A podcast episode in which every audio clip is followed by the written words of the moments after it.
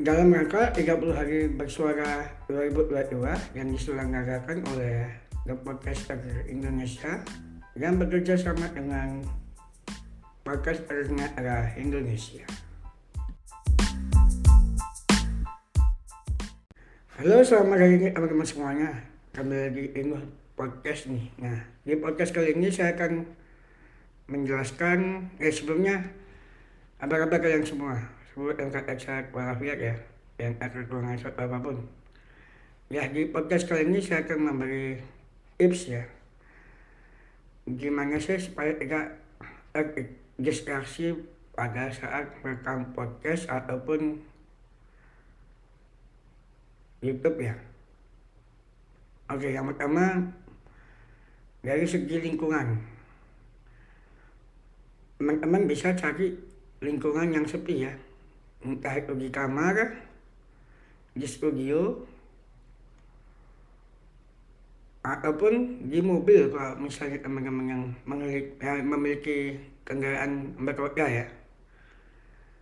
Kalau misalnya untuk waktu biasanya lebih enak malam hari seperti saya sekarang ini jam 10 itu sepi semua orang udah pada itu biasanya terus kedua dari HP atau perangkat yang untuk recording.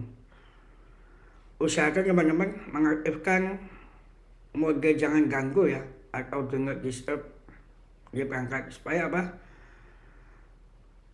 Pertama supaya tidak banyak notifikasi masuk ataupun tidak ada notifikasi masuk ya.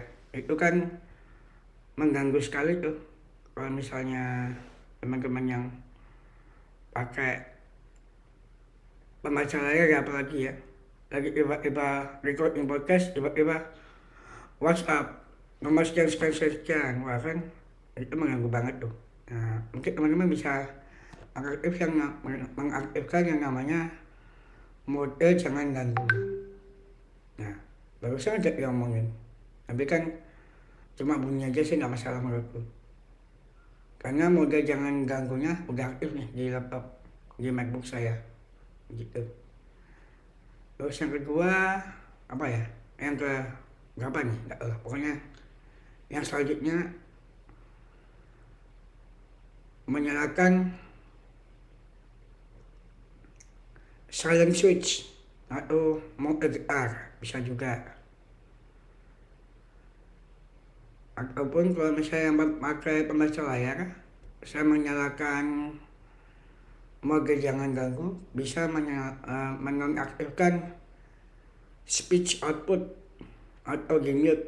Nah jadi supaya voice over atau pembaca layar itu teman-teman yang tunanetra tidak mengoceh sendiri ya tidak mengomel-ngomel sendiri gitu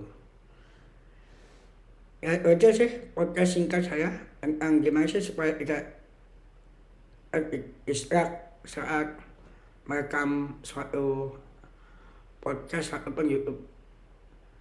Mohon maaf kalau ada kekurangan. Sekian, terima kasih.